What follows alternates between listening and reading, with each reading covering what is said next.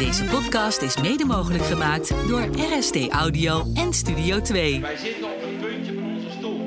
En hij gaat aan de rechtskant. Johan Cruijff zei ooit: Als je wilt winnen, moet je lachend het veld opgaan. Met plezier presteren. In deze podcast verzamelen we verhalen van mensen uit de sport met een idee over hoe je duurzaam kunt presteren of die aan de lijve hebben ondervonden wat de impact van plezier en het gebrek daaraan kan zijn.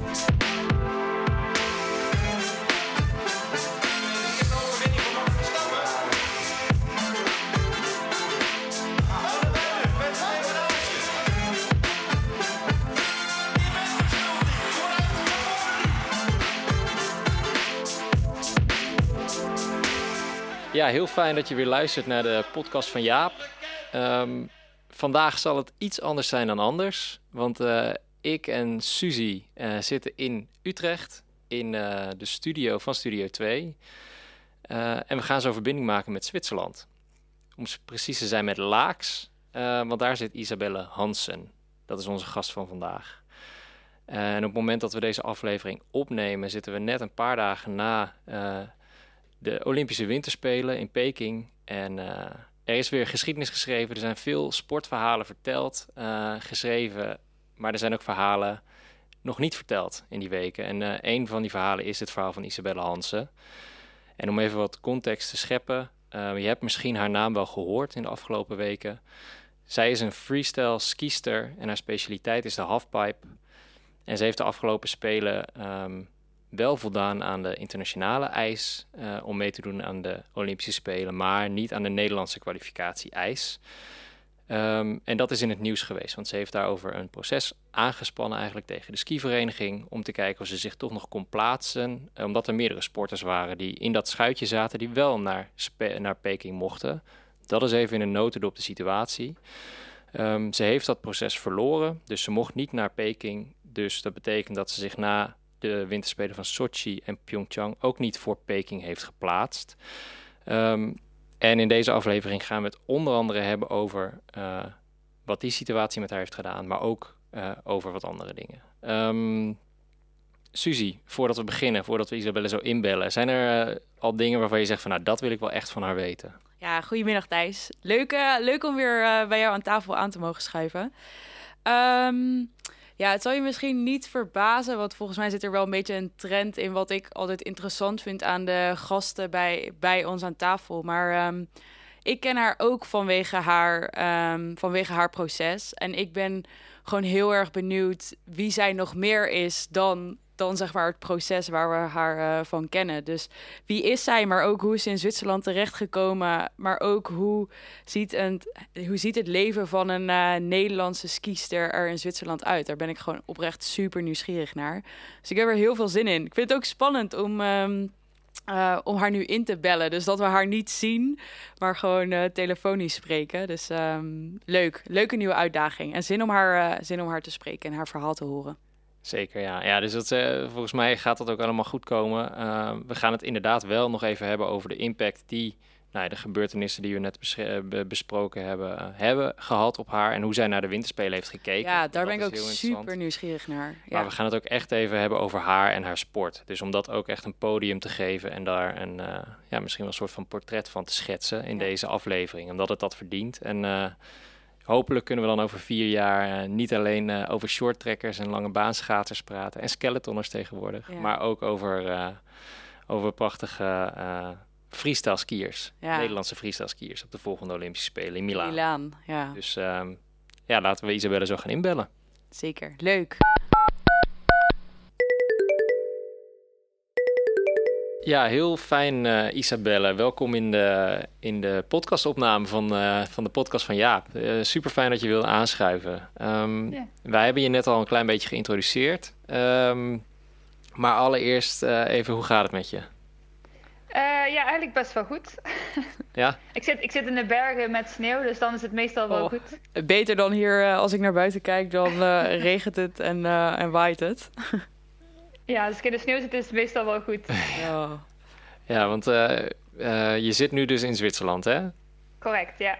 Ja, precies. Kan je misschien beschrijven wat jij, wat jij ziet of, of waar, waar je bent?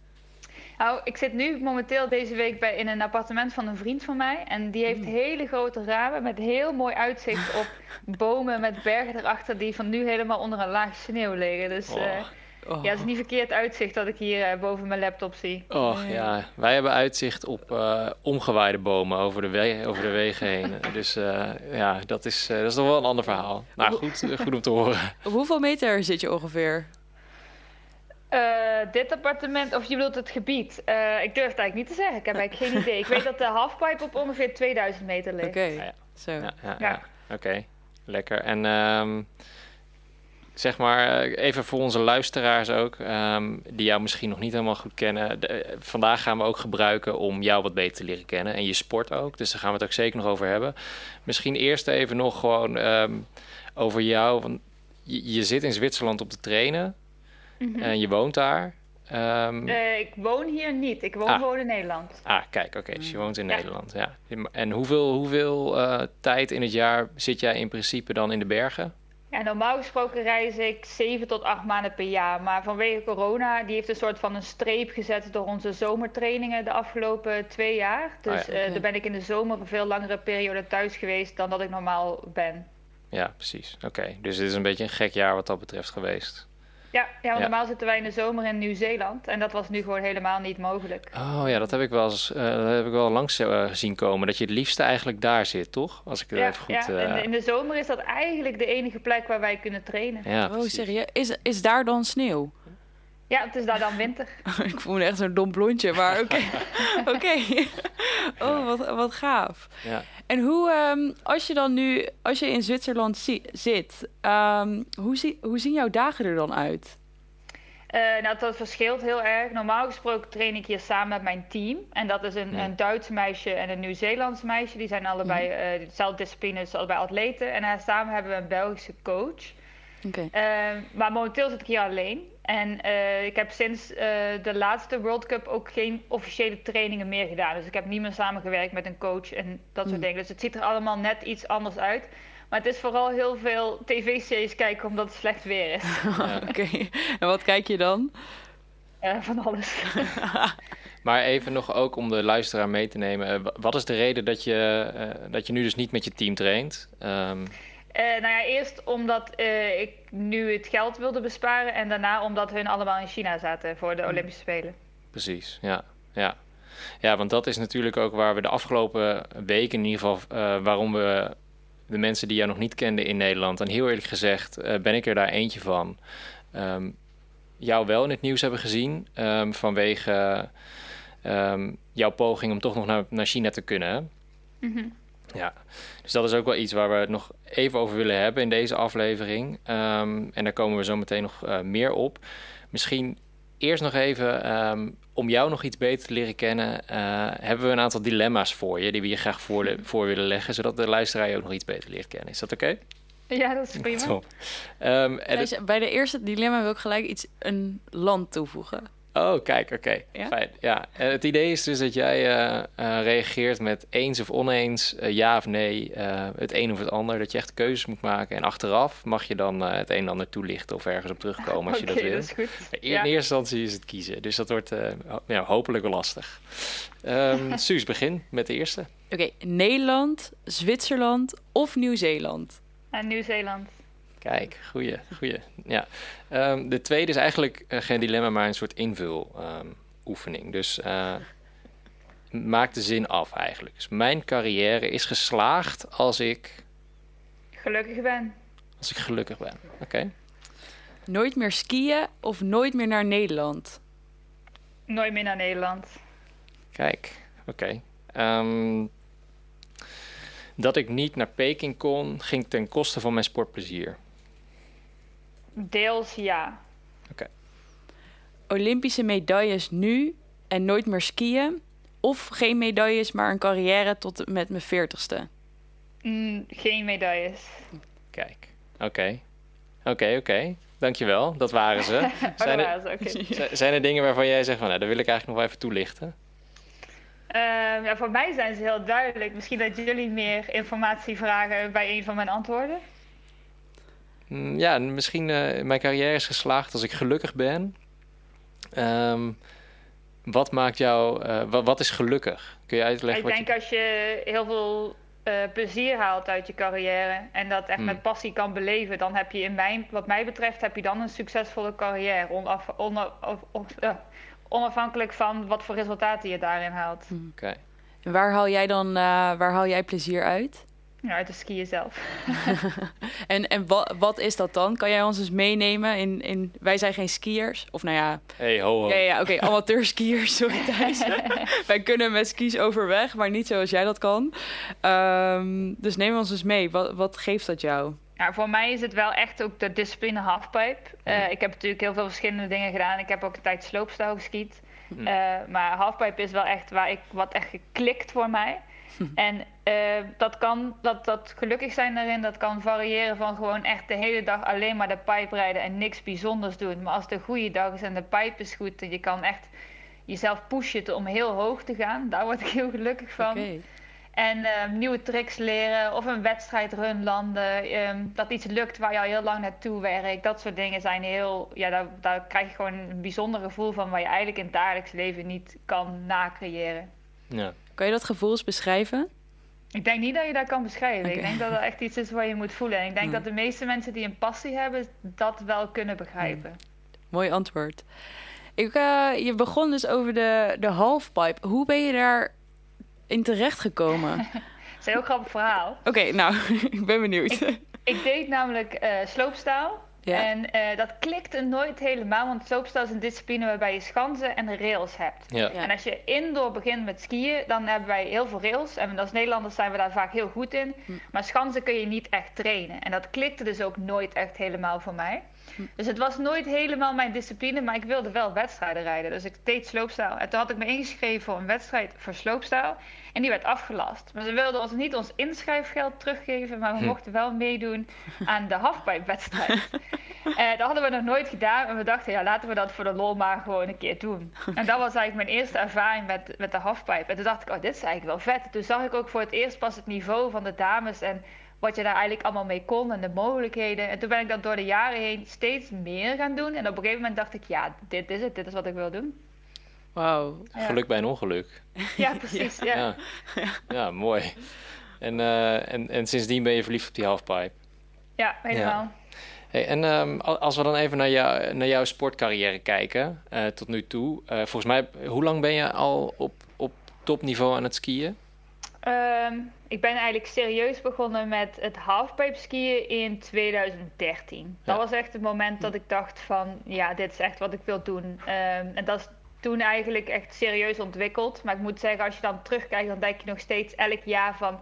Als je dan een jaar terugkijkt, oh, maar dit is nu nog zoveel serieuzer en beter nu. Dus die progressie blijft er altijd in zitten. Maar eigenlijk sinds 2013 dat ik op het wereld- wereldbekercircuit eh meedoe. Oké. En ehm, eh, heb jij voor jezelf een heel duidelijk hoogtepunt in je carrière? Dat je denkt van, nou, dat was echt wel het mooiste moment in mijn ski-carrière. Ehm, nee, ik denk dat die er heel veel zijn geweest. Ehm, en sommige net zo mooi als de andere. Dus ik denk Ja. niet dat er één bepaald moment is geweest. eh, wat er echt ver bovenuit steekt. Want het zijn gewoon veel mooie momenten. Ja. Maar wil je ons dus toch meenemen in een, in een mooi moment? Eh, Hoeft dan, hoeft dan eh, niet de mooiste te zijn, maar gewoon eh, om een beetje feeling te krijgen met wat jij allemaal meemaakt. Nou, ik heb bijvoorbeeld vorig jaar, toen eh, waren alle wedstrijden afgelast, behalve eentje.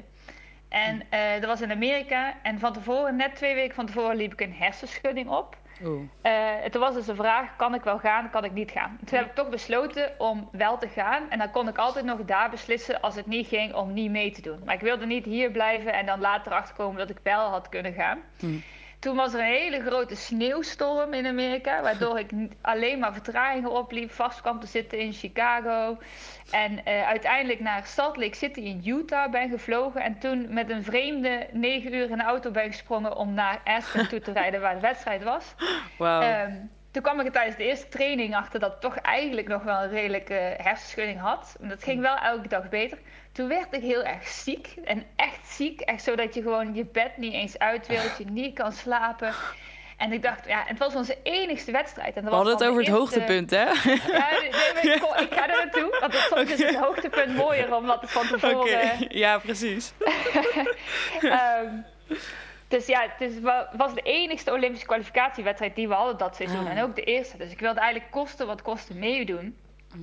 En op de wedstrijddag was ik nog veel zieker. Echt zodat je dacht van ja, ik kan eigenlijk niet staan. Wat ben ik aan het doen? Ja. En toen ging ik de training doen en dat is ongeveer dan een half uur. En we hadden sneeuwscooters die ons naar boven brachten. Dus we kregen redelijk wel een aantal runs. En eh, toen ging het eigenlijk best wel goed. Mijn lichaam deed gewoon wat het moest doen. Hm. En ik heb daar in de wedstrijd misschien het beste skirun van mijn leven neergezet. Ehm, en dan onder die condities, toen dacht ik, wauw, als ik dit kan met deze omstandigheden, met deze aanloop, was er dan allemaal van hier nog meer mogelijk. Dus ik was echt ontzettend blij, ondanks dat ik me verschrikkelijk voelde. Dus het was heel, voor mij persoonlijk een heel bijzonder moment. Ja, snap ik wel. Dus Zonder, zonder dalen geen pieken eigenlijk. Ja, precies. Ja. Precies. Ja. ja, je moet er soms hard voor werken, maar dan loont het wel. Ja, mooi. Wat voor ehm, kwaliteiten heb jij nodig als, eh als skiester? Mag ik dat zo noemen? Ehm. of is het echt. Of hoe noemen jullie jezelf? Skiester of. Ja, wij zeggen gewoon skiers, maar in het Nederlands eh, zeggen ze wel vaak skisters. Ja, oké, skiers. Ehm, ik denk dat dat, het, het is, voor mij, is de vraag voor mij persoonlijk of in het algemeen voor een, een skier? Ehm, voor jou persoonlijk.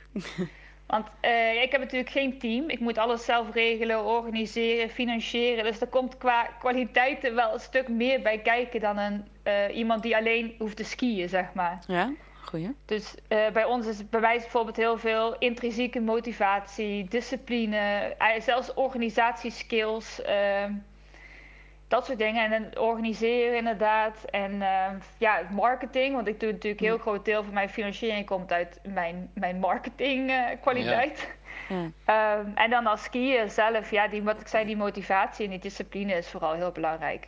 Maar ik vind het eigenlijk is dit ook wel een onderdeel van het verhaal waarvan ik denk dat het verteld moet worden. Want hè, wat Nederland eh, eh, ziet uit, eh, nou op de NOS is inderdaad van, oh, eh, een, een, een, sportster he- heeft zich niet geplaatst voor de Olympische Spelen.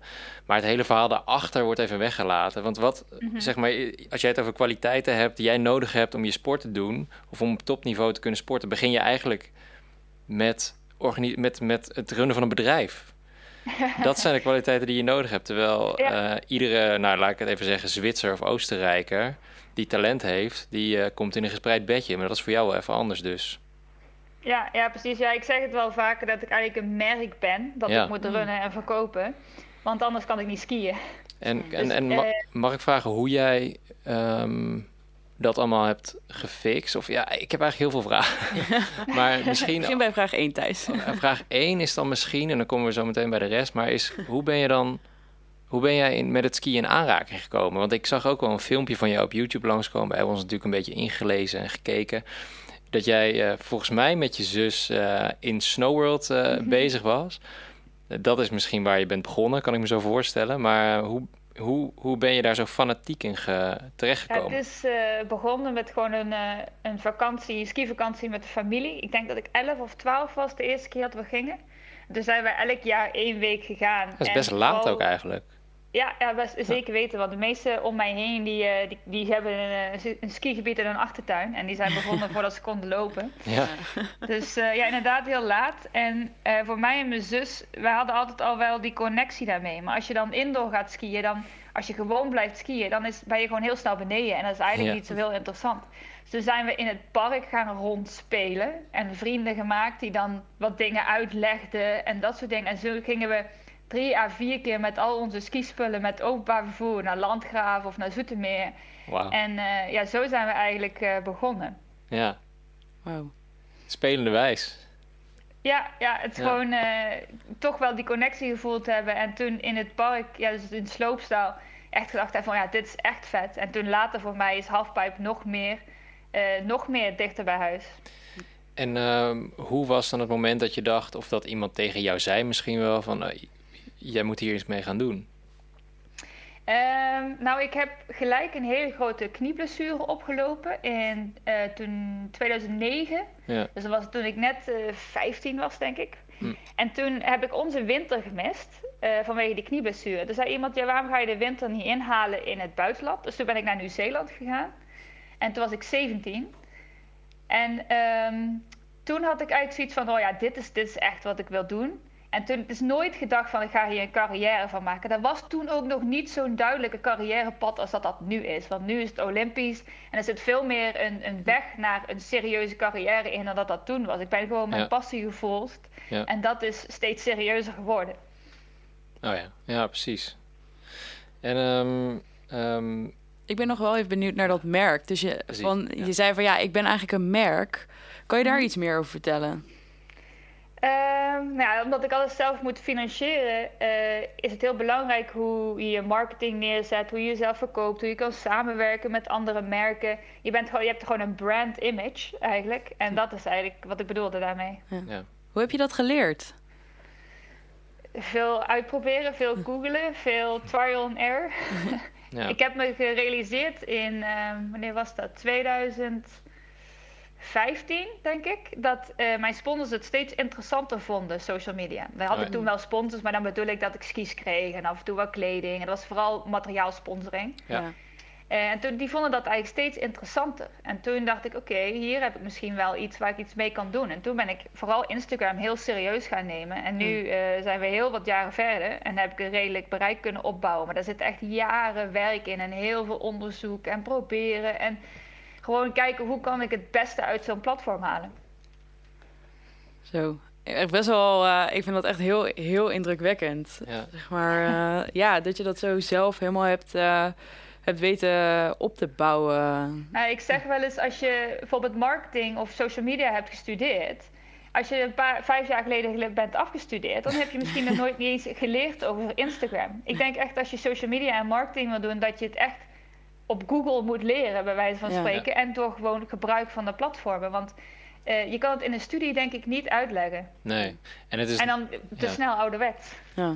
Ja, en het- maar het is wel super belangrijk voor zeker voor mensen zoals jij of sporten, zoals eh, in ieder geval als Nederlandse sporter in een wintersport die niet schaatsen heet, ehm, is het super belangrijk. En ehm, nou ja, wij zien het wel vaker ook bij jonge, jonge sporters, jonge talenten. Er zijn ook wel initiatieven die, die helpen met financieren, maar je moet eigenlijk gewoon leren een bedrijfje opstarten en En je marketing ziet, te doen. ik zie heel erg om mij heen dat heel veel atleten, ehm, ze snappen het wel dat ik het moet doen. Ja. Maar zelf doen ze het eigenlijk niet, omdat ze het niet nodig hebben. En als ik het zelf niet nodig zou hebben, zou ik het ook niet doen. Nee. Want die wil je natuurlijk liefst 100% op je sport focussen. Maar het Ja. creëert wel de mogelijkheid om de touwtjes in eigen handen te nemen voor degenen die niet die financiële ondersteuning natuurlijk hebben. Ja. Eh, en zo creëert het eigenlijk hele, mooie mogelijkheden, hele mooie mogelijkheden voor atleten om zelf een weg te kunnen creëren. Want zonder had ik nooit kunnen doen wat ik nu de afgelopen jaren heb gedaan. Ik ben elk jaar steeds meer gaan verdienen. En de sport werd ook steeds meer duurder. En hoe meer ik verdiende, hoe meer er ging in de sport. Ja. Eh, maar het was wel allemaal mogelijk doordat ik dat merkje, zeg maar, slash bedrijf opgezet heb. Ja. Wat, ehm, wat wil jij uitstralen ehm, als merk? Eh, dat vind ik heel moeilijk. Eh, ik denk dat ik vooral, voor mij was het heel belangrijk om de sport te kunnen delen. Mhm. Ehm, en daarnaast wilde ik natuurlijk goed mijn merken kunnen neerzetten. Ik wilde ook de serieuze kant van het skiën laten zien, maar ook dat het leuk is. En eh, dat halfpipe skiën is een wedstrijdsport, maar je kan het ook doen omdat het gewoon een hele mooie sport is. Het hoeft niet per se wedstrijden te zijn. En ik wilde ook meer een deel laten zien van het leven buiten het skiën en de fitnesskant en de dingen die daarbij komen kijken en het reizen. En ook dat je dan vast komt te zitten omdat er zo'n sneeuwstorm is. En Ja. ik denk dat het gewoon heel interessant is, omdat heel veel mensen totaal geen idee hebben hoe zo'n leven er eigenlijk uitziet. Ja, dus eigenlijk krijgen we een inkijkje in, in gewoon jouw bestaan. Zijn er, Ja. zijn er dingen die je er niet op zet? Eh, lelijke foto's. Ja. ik ben best wel heel kritisch met mijn ski-video's. Oké. Ja. eh, die ik bijvoorbeeld dan wel op TikTok gooi, omdat dat gewoon net even een wat lagere kwaliteit is. Ja. Eh, ook qua ski-niveau. Dat ik gewoon, ik ben heel, er staat heel weinig ski-video's van mij op Instagram, Ja. omdat ik gewoon te kritisch ben over Mm. wat ik er dan op zet. Oké, Eh, dat is iets wat ik wel, waar ik wel ja, mee struggle. oké. Ja, ja, ja. Want wat is dan de struggle? Ja, ik wil gewoon echt het allerbeste laten zien. En Ja. dan post ik vaker minder. En dat is met foto's makkelijker te maken dan met echt ski-video's. Ik ben heel kritisch op mezelf als het op het skiën aankomt. Oh ja, ja. Dus eigenlijk eh, het streven naar het perfecte, perfecte plaatje. Ja, precies. Want, eh, En in foto's is dat, ook met skifoto's, is dat iets makkelijker te doen. Ja, Precies. oké. En ehm, oh ja, wat ik eigenlijk nog wilde zeggen, het geeft je superveel autonomie eigenlijk door de manier waarop jij het hebt moeten doen. Je hebt Ja, heel veel wel, ja. je touwtjes in eigen handen. Ja, Mhm. dat, dat, dat uh, onthoud ik ook nog uit dat verhaal. Nou is dat wel dat dat voor een atleet natuurlijk heel veel werk en misschien ook wel stress op kan leveren. Ja. Dus Ja. als je het allemaal niet zou hoeven doen, is voor de atleet denk ik wel beter. Ja. Ja. Als ja. iemand die gewoon zegt, je moet op deze tijd op vliegveld zijn en morgen doen we deze training enzovoort. Dat, ik denk dat dat voor de ontwikkeling van iemand zijn progressie wel beter is. Ja. ja. En voor je, voor je, want je zegt dat is misschien wel beter voor een atleet, want je ontneemt eigenlijk heel veel stress. Maar of gewoon voor, je, voor de ontwikkeling als mens. Ja, ik denk dat ik ontzettend veel dingen geleerd heb en nu eigenlijk ontzettend veel verschillende dingen kan. Ja. Eh, die ik bijvoorbeeld nooit in een studie of op school had kunnen leren. eh, waar ik nu, als ik klaar zou zijn met het skiën, waarschijnlijk heel veel mee zou kunnen doen. Ja. Ehm, en dat is natuurlijk wel heel bijzonder en dat is natuurlijk wel heel waardevol. Alleen het was voor de sport zelf, eh, het deed wel afbreuk aan, aan het niveau van skiën. Daar twijfel ik niet aan. Oké. Ja, precies. ja. En ehm, als we het dan toch over leerprocessen en leermomenten hebben. ehm, wat ik net eigenlijk al zei hè, en ook in de intro heb aangegeven. Je bent de afgelopen weken best veel in het nieuws geweest. Ehm, juist omdat je ge- geprobeerd hebt om nog naar Peking te kunnen. Mhm. Ehm, wat heb je van dat hele proces geleerd? Zijn er nog dingen waarvan je zegt van... Of, of ja, wat heb je daaruit meegenomen voor jezelf? Oeh, dat is een moeilijke vraag. Ehm, het was aan de ene kant een hele spannende, spannend proces. En Hm. zo'n een beetje een rollercoaster met emoties. Omdat je constant denkt van, oh ja, nu gaat het wel. En dan weer niet. En dan weer wel. En dan weer niet. Ja, Ehm, het voelde wel ook heel oneerlijk. ja, Ehm, maar wat ik heel fijn vind, is dat er daardoor aandacht is gekomen voor de sport. Hm. Ehm, ja, Ja, je vertelde achteraf ook wel dat je. ehm, ehm, ja, misschien. Zeg jij maar of het klopt of niet, maar zeg maar, je, je was best eh, duidelijk en, en, en direct in je uitingen eh, over wat je wilde gaan aan, wilde aange- aanvechten. En achteraf heb je in het interview. Ja, zag ik ook een andere toon of een andere kant. Van ja, dat je je ook wel gehoord voelde nu en dat je blij was met de aandacht die je sport heeft gekregen. En Ah ja, heeft het je ook nog wat de- opgeleverd? Ja. Ik heb eigenlijk de skivereniging gedwongen om een keer te luisteren. ja. Hm. Ehm, en ook eens een keer om wat meer mensen bij de skivereniging te laten meekijken. Want we hebben natuurlijk altijd maar één contactpersoon. Ja. Ehm, en dat is ook mijn hele beeld van de skivereniging. Ik heb nu ook wel gerealiseerd dat er nog wel meer mensen zitten. En dat ik eigenlijk nog wel in gesprek wil gaan met de anderen die daar werken. Ja. Ja. Omdat mijn hele beeld nu gebaseerd is op contact met één persoon. En dat is misschien eigenlijk niet eerlijk. Hm. Eh. Voor hun niet, maar ook voor mij niet. En dat heeft, de rechtszaak heeft misschien die deur wel opengezet. En niet voor alleen voor mij, maar misschien wel alle freestyle die nu nog gaan komen of die er nu al zijn. Ja. Is dat er misschien toch nog meer deuren zijn die we kunnen openen dan alleen degene die nu open is gezet. Ja. Of was open voor ons. Precies. En, En dat, dat, denk ik wel dat dat belangrijk is. en want dat is belangrijk om een completer beeld te kunnen, kunnen schetsen van wat jullie allemaal doen en de sport die jullie eh, eh, beoefenen. Klopt dat? Ja, ja, het is- niemand bij de skivereniging heeft enig idee van wat ik doe. Ja. Ze hebben echt helemaal geen idee. Maar, hoe, En ze stonden er ook niet voor open om dat te horen. En nu misschien wel. maar, maar hoe, hoe kan dat, Isabelle? Dat ze geen idee hebben dat, je, bij wijze van spreken, dat jij bestaat en wat je doet. Want je bent een Nederlandse skier. Ja, we hebben natuurlijk wel... eh, ze weten natuurlijk wel dat ik besta. Want ze moeten mij inschrijven voor wedstrijden. En één à twee keer per jaar hebben wij een gesprek met onze contactpersoon daar. Hm. Eh, dus ze weten wel wie ik ben. Maar ze hebben totaal geen idee van hoe het er daadwerkelijk aan toe gaat bij zo'n wedstrijd. Hoe de weersomstandigheden zijn. Wat mijn niveau van skiën zijn. Niemand bij de skivereniging heeft mij ooit zien skiën. Ja.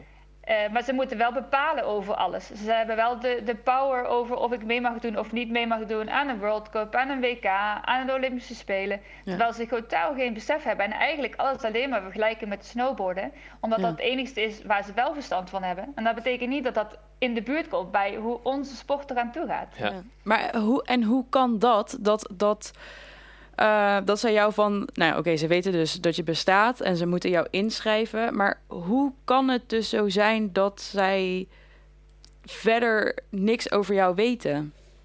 Ja, freestyle skiën is geen focussport voor hun. Dus ze houden er gewoon simpelweg niet mee bezig. Hm. Eh, totdat jij eh, misschien een keer een paar keer top 5 rijdt en dan krijg je medaillekansen. En dan denken ze, hé, hey, daar moeten we iets mee Ja. gaan doen. Ja. Maar om daar te komen, dat is onmogelijk zonder ondersteuning. Ja. En die ondersteuning geven ze niet, want het is geen focussport. Ja. En zo hou je eigenlijk een loop in stand van... Ja. oké, ze willen eigenlijk dat je presteert, dan word je interessant, maar en dan krijg je ondersteuning, maar ze geven jou eigenlijk niet net dat ene zetje om misschien nog wel beter te presteren en je in bepaalde dingen te ontlasten. En je ziet het bij eh, Kimberly Bos, dus zij is natuurlijk Ja. een heel mooi verhaal nu, want zij heeft alles op eigen kracht gedaan. Toen Ja. heeft ze op eigen kracht kunnen kwalificeren voor de Spelen in 2018, daar een top 8 kunnen rijden. En sindsdien ondersteuning gekregen en nu rijdt ze medaille. Ja. Ja, En je hebt dat gewoon nodig. Je kan niet verwachten dat je bij de beste van de wereld hoort zonder ondersteuning. Terwijl Nee. alle andere landen de andere atleten wel ondersteunen. Daar Ja. kan je niet mee concurreren. Dat gaat gewoon niet. Welke, ehm, welke ondersteuning zou... Oké, dus stel eh, je gaat in gesprek met de skibond en ze zeggen... oké, Isabelle, we willen jou ondersteunen. Wat zou je dan aan ze vragen? Nou, de basis is natuurlijk financiële ondersteuning. Ja. Eh, want daarmee kun je in principe alle support inkopen. Dan zou je een, de beste coach kunnen kopen, de fysieke trainers, eh, überhaupt faciliteren dat ik op Papendal zou kunnen trainen, bijvoorbeeld. Hm. Ehm, ja, gewoon betere trainingsfaciliteiten qua sneeuw in de halfpipe, meer tijd op sneeuw. eh, iemand, een teammanager die alles voor je regelt, eh, iemand die je skis wakt. Er komt zoveel bij kijken wat Zo. bijna alle teams hebben. Ja. Eh, en ik dus, ik heb alleen een coach en dat is ook niet altijd zo geweest. ja. Precies. Want we hebben het net over een spiraal die eigenlijk creëert door. Ehm, en dit gaat ook een beetje over beleid natuurlijk in Nederland. Want je Mhm. komt eigenlijk pas in aanmerking voor kwalificatie voor de Spelen als je ook medaillekansen, kansen op succes, hè, perspectief op succes noemen ze dat. Ehm, alleen dat is bij jou dus heel, heel lastig. En dat wordt ook lastig omdat je niet de, ehm, de aandacht en de support krijgt die je nodig hebt om überhaupt eh, kansen te creëren voor jezelf. Heb jij een idee hoe jij het zelf zou aanpakken als jij eh, bij een bond zat bijvoorbeeld? Nou, ik denk dat ze. Het komt natuurlijk uit NOC-NSF. Die Ja. hebben die gedachte van je moet podiumkansen, medaillekansen hebben op voor een inzending. Ja. Maar ik vind dat zelf heel erg een kleine gedachte. Want stel dat ze mij in 2014 hadden gestuurd, of 2018 hadden gestuurd. Ja. Misschien had dat zo voor een groei gezorgd en aandacht voor de sport.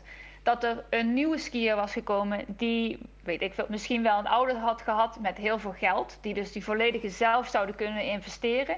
En hadden ze een medaillekansen kunnen creëren, een medaillekandidaat kunnen creëren door middel van de groei van de sport. Ja. Ik denk als je ook nooit iemand instuurt, het nooit aandacht geeft en het nooit ondersteunt, dan hou je zo'n sport ook ontzettend klein. Ja. We hadden in 2018 een skier die vol mijn mening wel medaillekansen had. Want het niveau in sloopstelskiën ligt zo dicht op, op, op elkaar dat de top 20 allemaal medaillekansen heeft. Ja. En we hadden een jongen en die had in de laatste Olympische kwalificatie eh, top 16 gereden.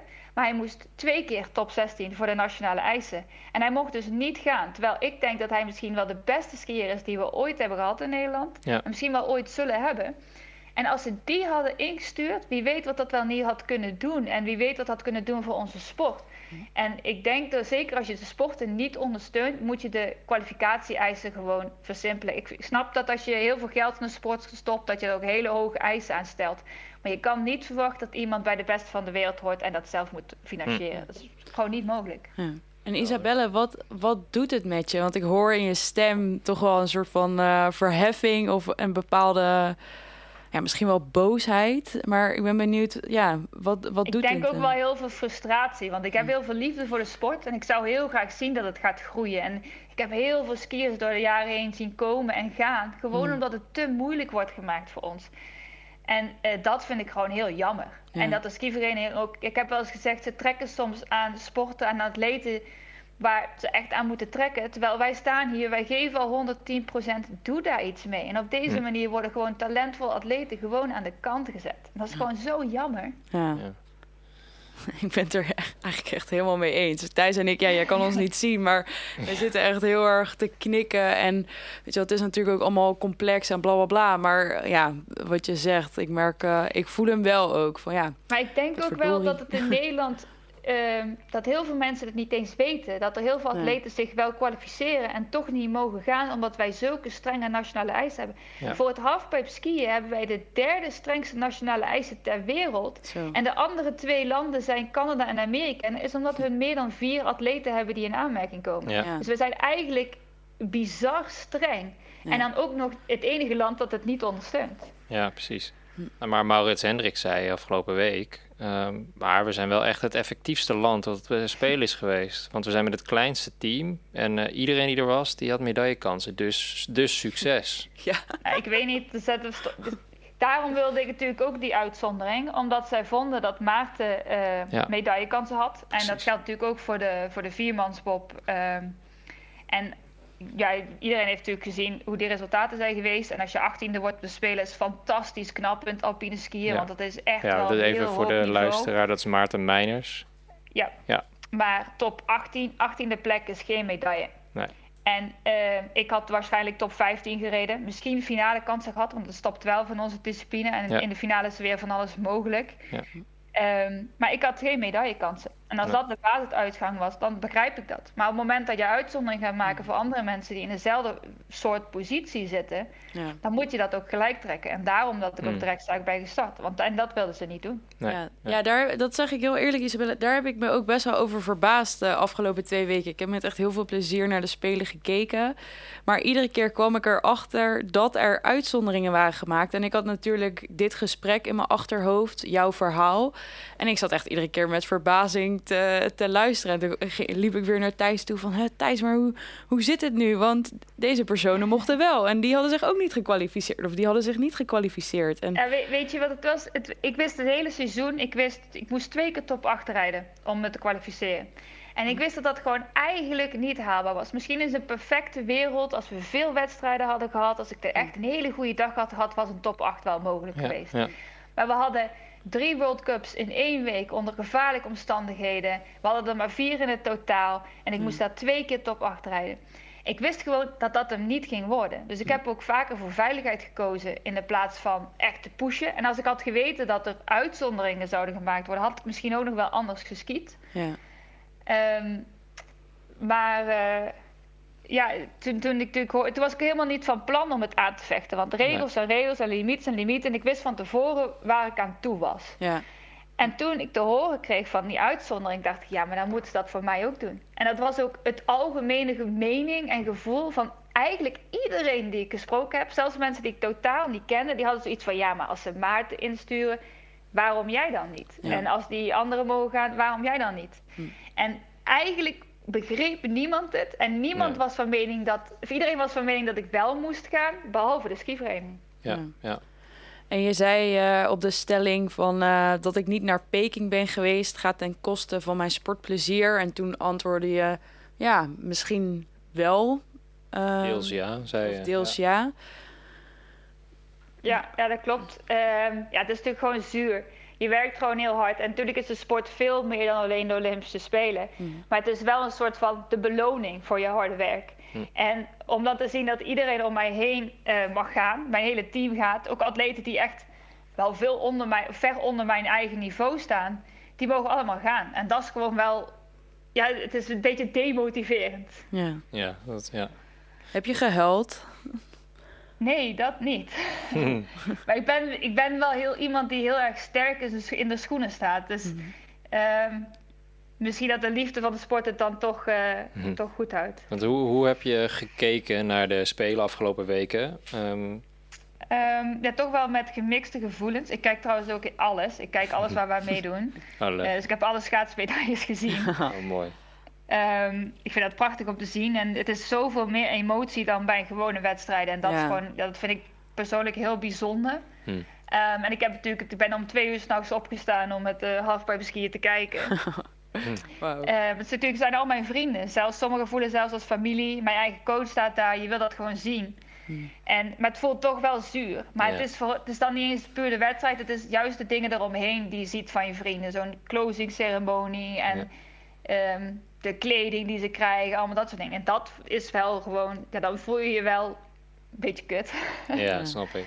Uh, maar de wedstrijd, ja, ze hebben een hele mooie wedstrijd neergezet. En ik denk dat het podium, de dames op het podium heel trots mogen zijn. En ik ben ook heel trots op hen, want ze hebben echt onze sport wel op een prachtige manier laten zien aan de wereld. En daar ben ik heel blij mee. Het is jammer dat er geen Nederlander meedoet en het dan geen podium krijgt in het Nederlandse nieuws. Ja.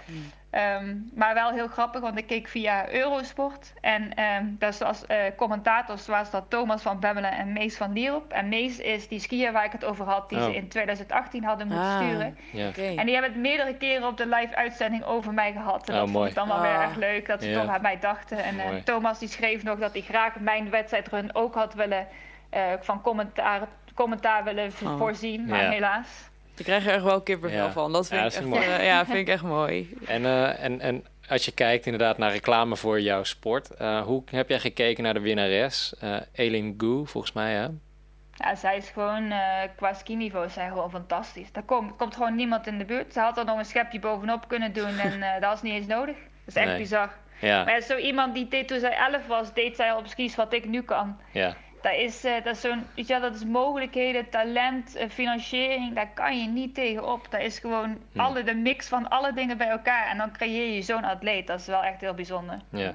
Ja, ja, ja, dat dus. De, ik- ik, ben een leek, hè, dat durf ik mezelf wel te noemen. En zelfs Mhm. ik kon zien, zij ging ook zoveel hoger dan iedereen. Zeg maar, eh, al, zeg maar de hoogte die zij haalde in die halfpipe was zoveel Ja, hoger dat- dan de anderen.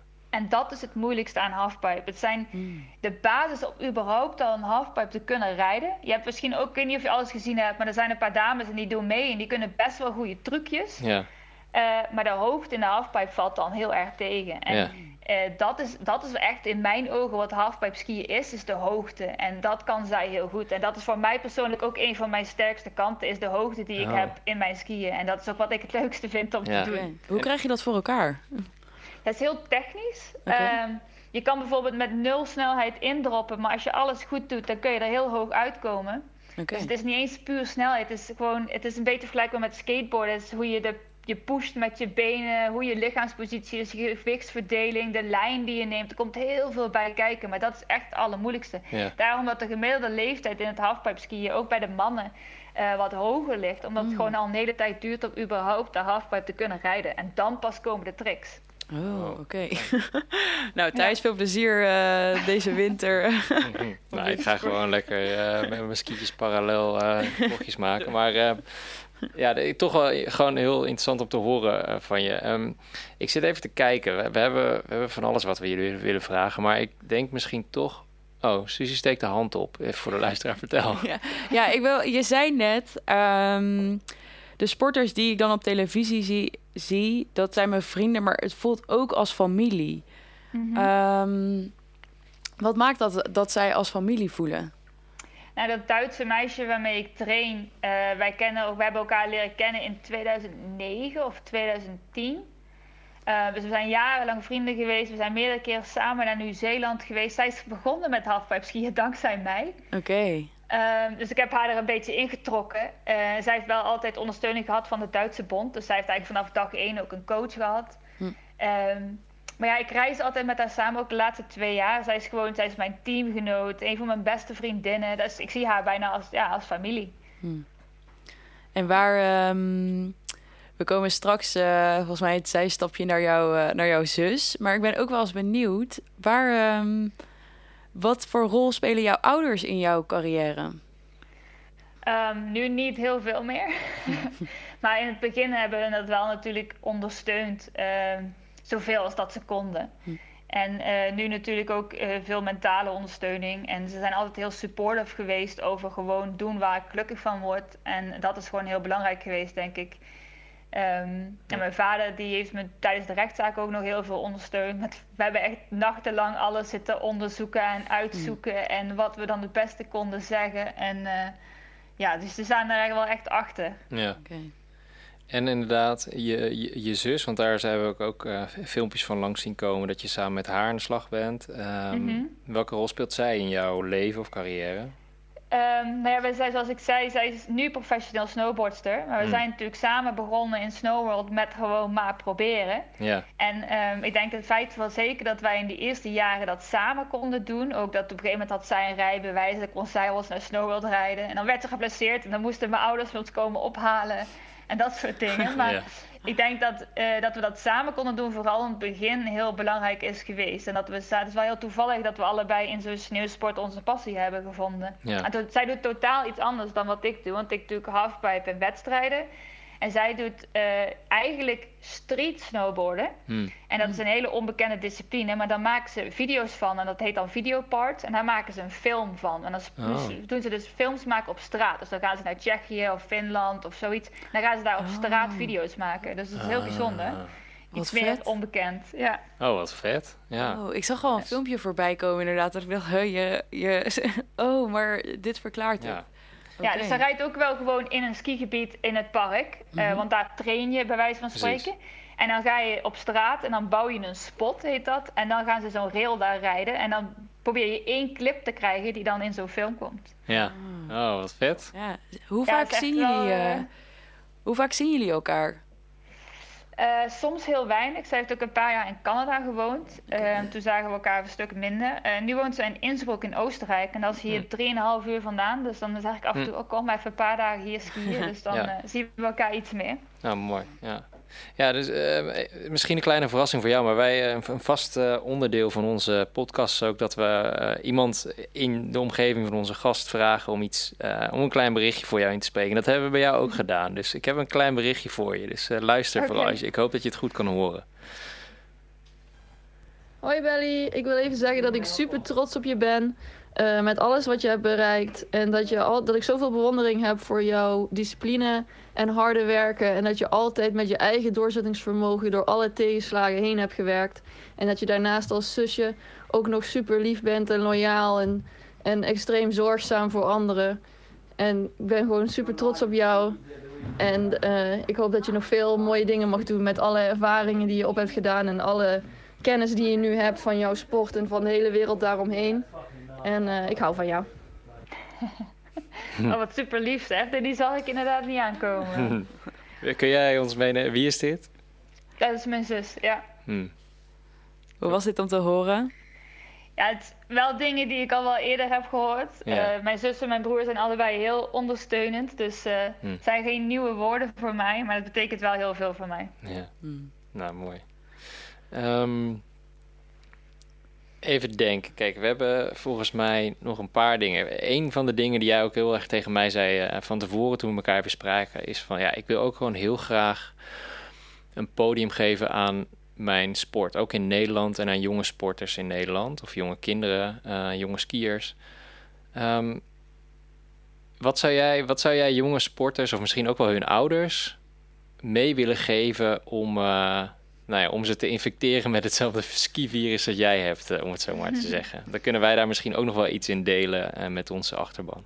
Ja, zoals dat ik zei, eh, het feit dat mijn ouders altijd heel ondersteunend zijn geweest in het nagaan van wat je gelukkig maakt, of het volgen van wat je gelukkig maakt. Ik denk dat dat voor de ouders het belangrijkste is. Wat voor passie je kinderen ook hebben, ondersteun ze daarin, want die passie heb je voor een reden. En uiteindelijk is dat wat je kind gelukkig gaat maken. En eh, dat is in ieder geval niet, vaak niet school. Dus eh, als, als je, je, kind kan, als je kind ongelukkig wordt van school, doe er dan alles aan om ze te helpen met waar ze wel gelukkig van worden. Want school is niet altijd het antwoord. Nee. En ehm, ik denk dat dat voor de kinderen ook soms is school niet het antwoord voor jullie. En ehm, ja, Ja.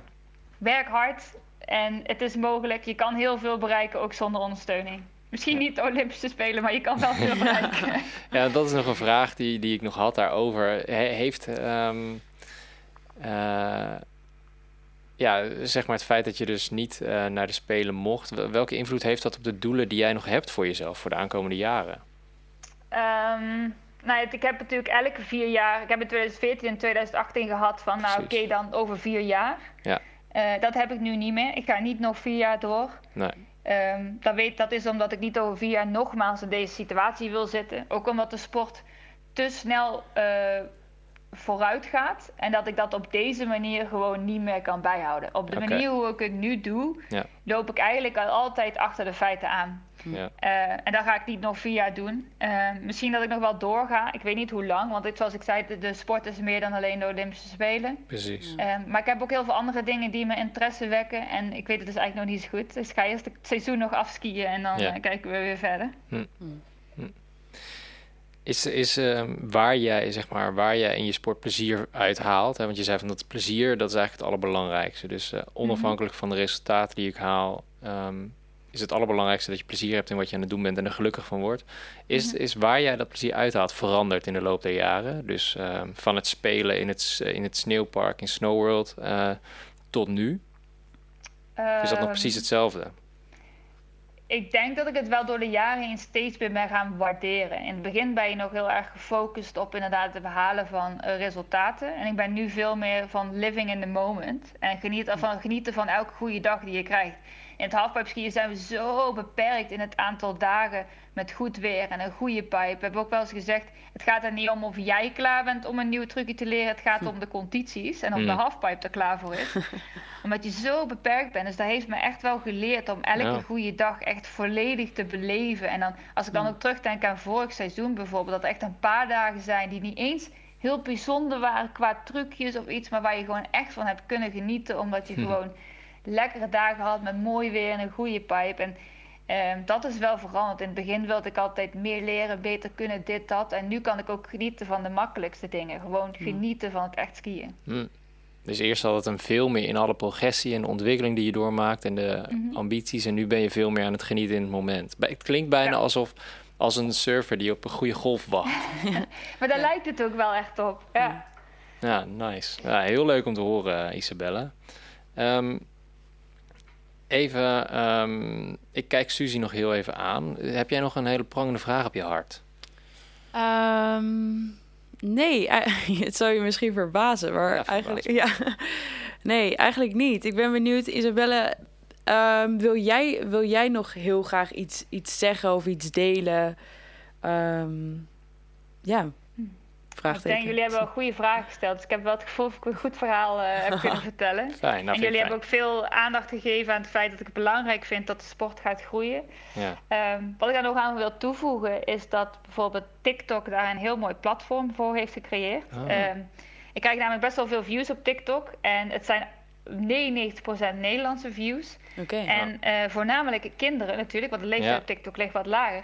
En toen bedacht ik me laatst dat als ik naar de Olympische Spelen mee had gedaan, hoeveel Nederlandse kinderen Ja. zouden daar nou eigenlijk naar gekeken hebben? Het was ook nog om half drie s'nachts. Oké, daar staat je video 's ochtends op de NOS. Nou, ja, wie kijkt er nou naar de NOS van die leeftijd? Toen dacht ik, ja, op TikTok heb ik video's die 200.000, 500.000, 300.000 views hebben. Zo. En dan kan ik direct mijn sport Ja. aan die kinderen laten zien. Die komen Ja. misschien wel voor het eerste keer mee in aanraking. En dat vind ik eigenlijk wel mooi, dat ik me gerealiseerd heb dat de kracht van TikTok voor de groei van de sport misschien wel groter is dan de, van de Olympische Spelen. ja, precies. Zo laat het IOC maar niet horen. nee, maar gaaf. Dat dat... ehm, Kijk, het is anders als je bijvoorbeeld zo'n Eileen Gu hebt, die heel in China echt wel wat teweeg hebben gebracht voor het Ja. freestyle skiën. Maar als jij eh, net een finale kan halen, dan is de aandacht die dat creëert voor de sport in bijvoorbeeld Nederland eh, misschien niet genoeg om een sport te laten groeien. Ja. En als je dat hele jaar door honderdduizenden views mee kan creëren, direct voor het skiën, dan is dat wel eh, bijzonder. ja. precies. Ja. Ja. Nou, Isabelle, ik, eh, ik gun je echt het allerbeste. En dat je, dat je gewoon nog een aantal, misschien jaren of dagen, weken, jaren, geen idee, gaat genieten van wat je aan het doen bent. En volgens mij, wat jij zelf al zei, heb je prachtige kwaliteiten ontwikkeld. Gaandeweg eh, deze toch wel bumpy road voor jou. Het is niet eh, een soort van geplaveid ehm, weggetje geweest. Maar ehm, Mhm. heb je daardoor wel echt prachtige kwaliteiten mogen, mogen ontwikkelen. Nou, dankjewel. Ik, eh, ik heb heel veel vrienden die heel erg zitten te pushen voor mij om jury te worden. Dus misschien is dat Oh. ook nog wel iets wat ik eh, ga doen. Dus dan, eh, Oh. misschien dat ik dan op de Spelen sta, maar op een andere manier. Precies. Ja. Ja. Dat, Ja. Dat zou mooi zijn. Ja. ja. Mhm. Hey, dank voor het delen van je verhaal, Isabelle. En ehm, ehm, ja, we, we houden jou op de hoogte en we blijven jou ook volgen. Dus eh, ik heb nog geen TikTok, misschien moet ik een keer aan. Ja. Maar sowieso op Instagram. Ja, jullie ook heel erg bedankt dat jullie mij een, eh, een platform geven om mijn Ja. verhaal te mogen doen. Heel Zeker. graag gedaan. Ehm, ja, hele fijne avond en eh, wie weet tot een volgende keer. Dankjewel. Oké, doei. Doei, Doei. Zo Thijsie, Ja, dat was Isabelle Hansen. ja. Wat, wat vond je ervan? Wat, eh, wat neem je mee uit haar verhaal? Nou, ik hoor wel echt een hele... ehm, ja, bijna strijdlustige vrouw of zo. Die echt wel gaat staan voor, voor, voor waar ze voor wilt gaan staan. Dus echt wel voor zichzelf. En zeg maar, ook in haar, in haar stem zit zoveel, zoveel kracht en zoveel wilskracht. Ik, ehm, ja, ik vind dat wel echt heel bijzonder om te horen. En, ehm, ja, en tegelijkertijd voel ik bij mezelf ook wel bepaald onrecht of zo. Maar ja, ja we, zitten zelf, we werken zelf ook in de sport. We weten dat sport gewoon ook heel vaak niet eerlijk is. Of, ehm, maar als je dan zo'n persoonlijk verhaal hoort, dan, ja, dan doet dat wel altijd iets met me. Mm. Van, ehm, ja, ik weet niet. Maar bovenal blijft bij mij wel echt even de... Blijft wel echt haar, haar kracht, zeg maar, blijft wel hangen. En bij jou? Ja, ook wel ehm, de. Ik, ik, ik kan me gewoon niet zo goed. Moet je je voorstellen dat zo'n dat zo'n evenementje door je neus wordt geboord? Zo voelt het dan toch wel een beetje. En het, Evenementje. het voelt. Ja, het voelt heel onrechtvaardig. En. ehm, nou, ik heb er niet volle bak ingelezen in alle ins en outs en hoe dat is gegaan. Maar het gaat uiteindelijk om het gevoel dat zij eraan overhoudt. En dat is natuurlijk echt killing. En het, eigenlijk doet het me wel heel erg pijn dat zoiets er dus voor gaat zorgen. Dat ze wel, ja, ze laat een beetje doorschemeren dat ze misschien ook wel eerder stopt met de sport. Omdat Ja. dit er dan iets wat toch zo belangrijk is en waar je, waarvoor je, waar je voor, voor je gevoel hoort te staan, dat je daar dan niet heen mag. En dat dat er dan voor zorgt van ja, ik ga dat niet nog een keer, ik wil dat niet nog een keer meemaken Nee. om dat nog een keer te missen. Dus dat ga ik niet doen. En dat, ja, dat vind ik wel pijnlijk. Ja. Dat de focus op prestatie op deze manier echt wel ook weer eh, sporters eist. Ja. Dus dat, ja, eh, ga, ga dat zien, de droom van Jaap. Maar om Ja. die link nog even te maken. Maar dat is hier wel echt een voorbeeld van, denk ik. Ja. Van hoe het ook kosten maakt, deze focus op prestatie. Dus dat. Ehm, ik denk dat we hem daarmee ook afronden. Ehm, n- nogmaals heel erg ehm, eh, bedankt voor het luisteren. Ehm, en als je nou op deze aflevering nog wilt reageren, eh, dan kan dat ook via onze Instagram.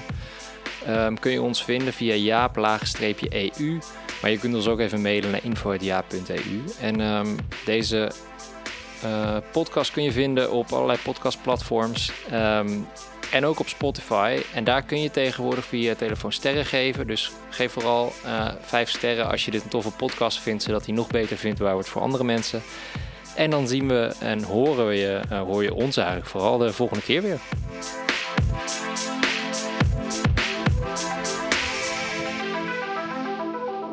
Deze podcast is mede mogelijk gemaakt door RST Audio en Studio 2. Wil jij ook je eigen podcast? RST Audio en Studio 2 nemen de totale productie uit handen. Van hosting, jingles, vormgeving tot productie. Ga naar rstaudio.nl en publiceer volgende week al je eerste podcast.